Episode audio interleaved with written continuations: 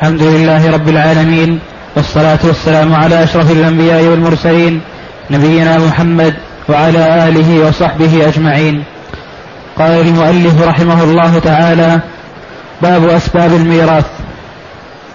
والنسب وهو القرابة ويرث به الأبوان ومن أدلى بهما والأولاد ومن أدلى بهم.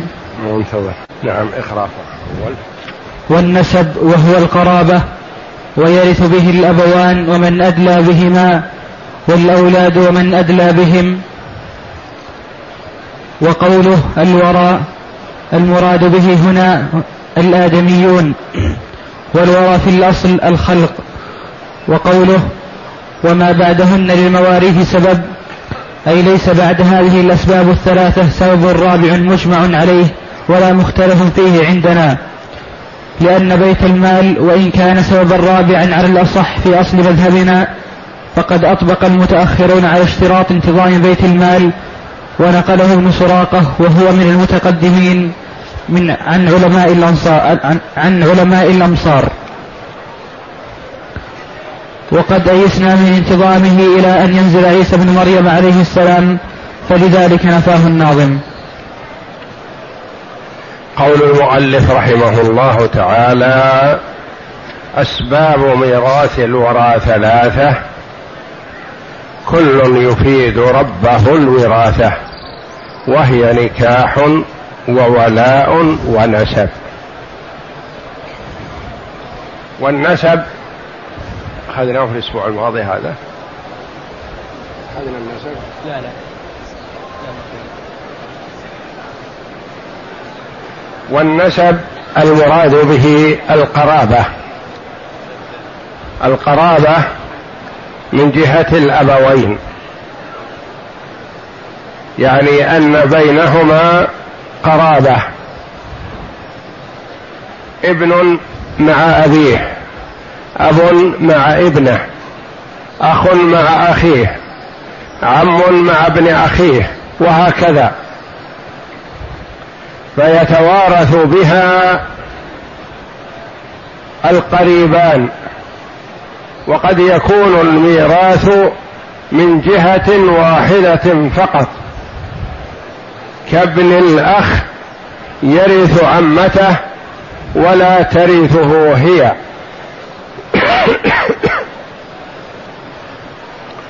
وإذا قال المؤلف رحمه الله تعالى والنسب وهو القرابة ويرث به يعني بالنسب. الأبوان والمراد بهما الأب والأم.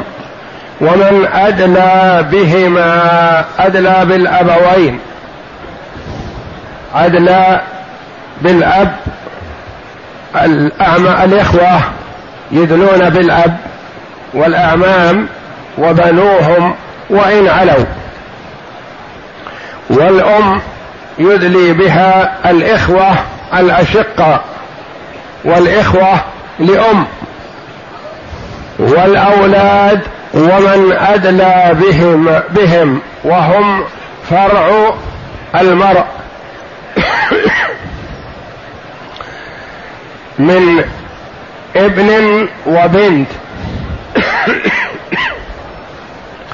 والابن وإن نزل والبنت وإن نزل أبوها. فإذا كانت بنت بنت فإنها لا ترث وإنما بنت الابن ترث وإن نزل أبوها كأن تكون بنت ابن ابن ابن إلى آخره.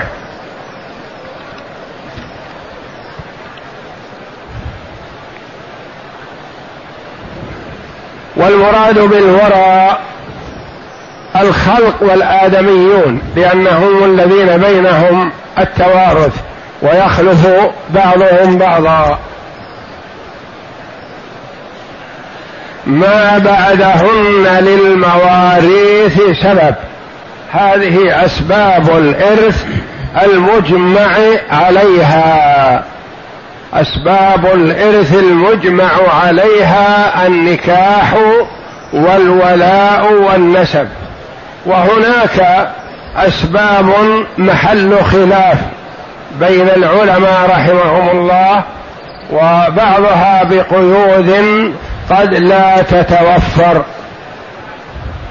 فمثلا بيت المال بعض الأئمة يرى أنه وارث. إذا لم يوجد وارث.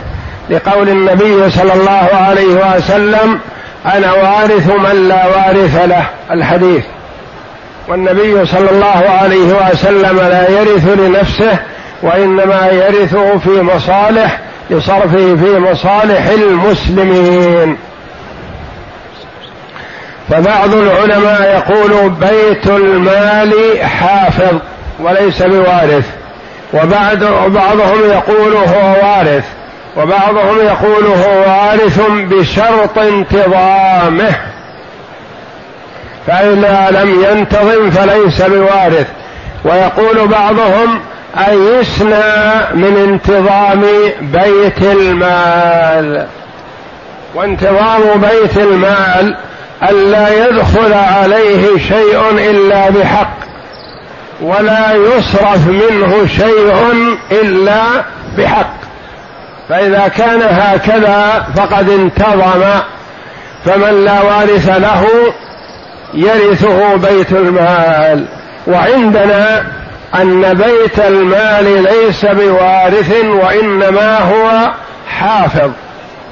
يعني إذا لم يوجد وارث فيودع الشيء التركة في بيت المال من أجل أن يحفظه حتى يحضر وارث. ومن الأمور المختلف فيها الوراثة بالمعاهدة والعقد. كانوا في الجاهلية يتعاقدون على أنك ترثني وأرثك وتؤدي عني وأؤدي عنك ونحو ذلك فاعتبر الإسلام هذا وارثا في أول الأمر. ثم هل نسخ أو هو بقي؟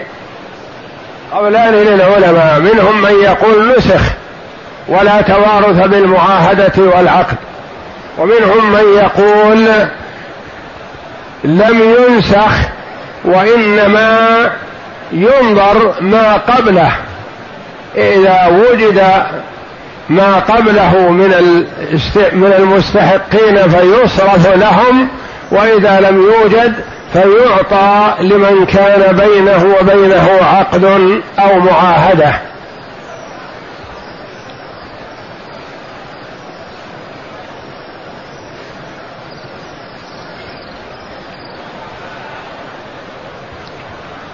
فهذه الأسباب المجمع عليها في التوارث وهي النكاح يعني بين الزوجين والولا السيد يرث من اعتقه أو كان سببا في عتقه. والقرابة من جهة الأبوين أو من جهة أحدهما فهذه الأسباب المجمع عليها وما عداها محل خلاف وما كان محل خلاف فإن حكم الحاكم إذا نظر في هذا يرفع الخلاف ويرجح ما يراه حسنا ويختاره.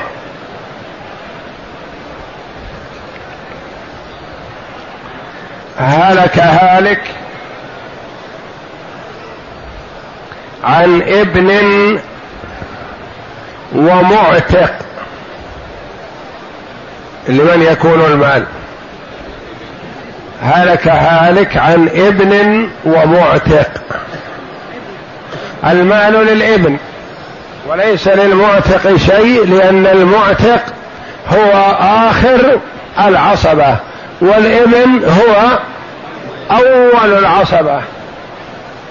هلك هالك عن ابن ابن ابن عم ومعتق. المال لابن العم وإن كان بعيدا. هلك هالك عن ابن ابن ابن ابن أخ وعن ابن معتق. المال لابن الأخ وإن كان بعيدا فهو مقدم على ابن المعتق. هلك هالك عن ابن معتق وبنت معتق.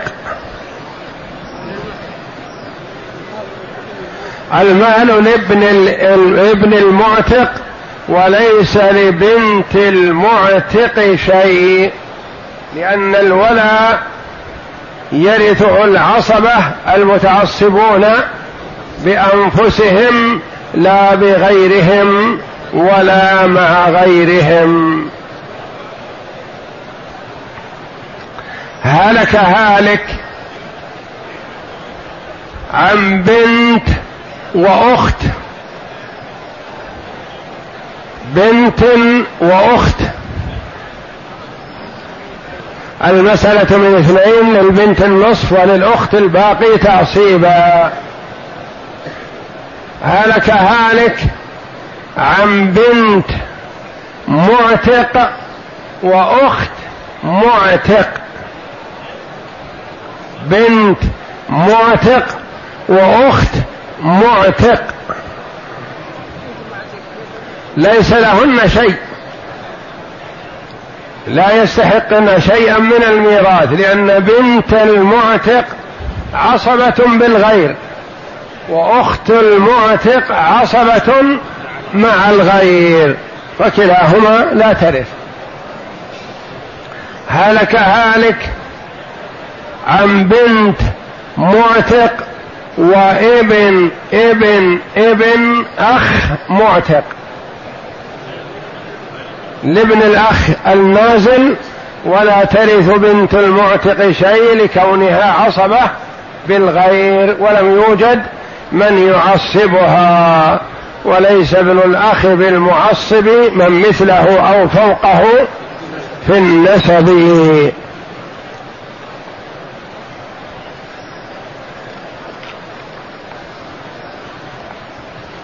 هلك هالك عن ابن وزوجة مطلقة. ولا تزال في العدة.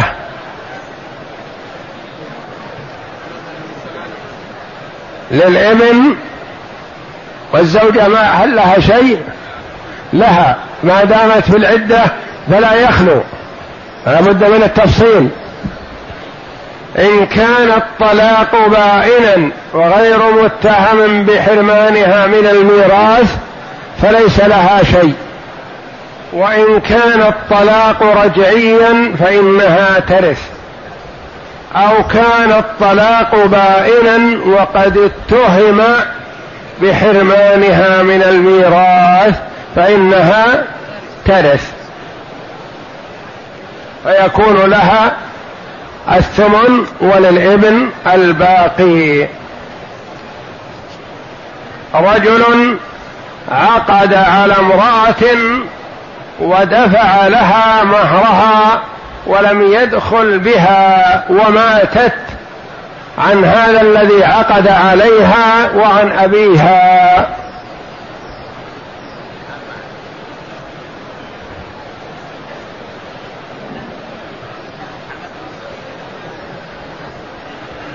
من اثنين للزوج النصف واحد والباقي للأب فرضا وتعصيبا.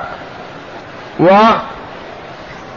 والنصف للزوج وإن لم يدخل بزوجته لأنه ما دام عقد عليها فهو يرثها. هلك هالك عن زوجة عقد عليها وزوجة دخل بها وابن.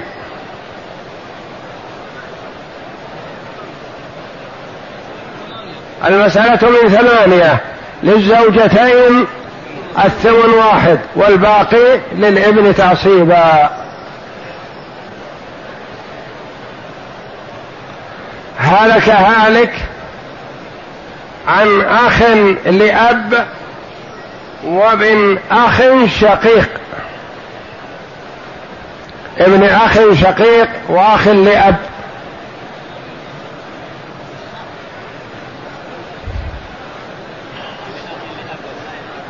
المال للأخ لأب وليس لابن الأخ الشقيق شيء. لأن الأخ لأب أقرب. وابن الأخ الشقيق وإن كان في شيء من القوة فلا ينظر للقوة مع وجود القرب. هلك هالك عن ابن ابن ابن ابن ابن. بالخامس.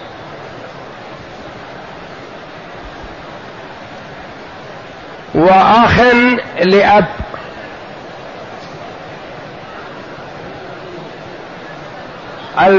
المال للابن الابن النازل وليس للأخ لأب شيء لأن جهة البنوة مقدمة على جهة الأخوة. هلك هالك عن ابن أخ شقيق وابن أخ لأب.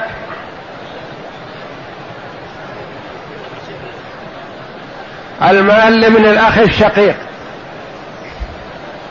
هلك هالك عن ابن أخ لأم وابن أخ شقيق وابن أخ لأب.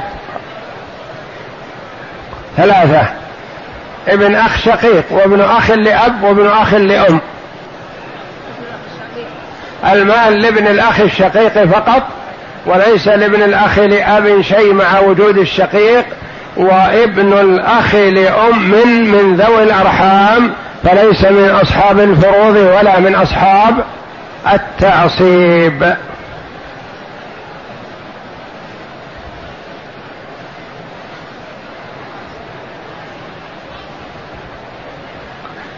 هلك هالك عن ابن أخ شقيق أو لأب سيان ما لا غيره. المال له. ما دام ابن أخ فالمال له. هلك هالك عن عمه وابن ابن ابن ابن عم. المال لابن العم وإن كان نازل فهو مقدم على العمة لأن العمة من ذوي الأرحام فليست من أصحاب الفروض ولا من أصحاب التعصيب. هلك هالك عن أب وجد وابن وابن ابن.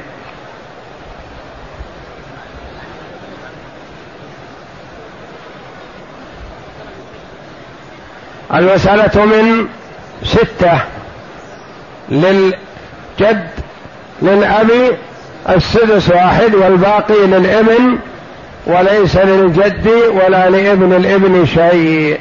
هلك هالك عن أم وأخ لأم وجد.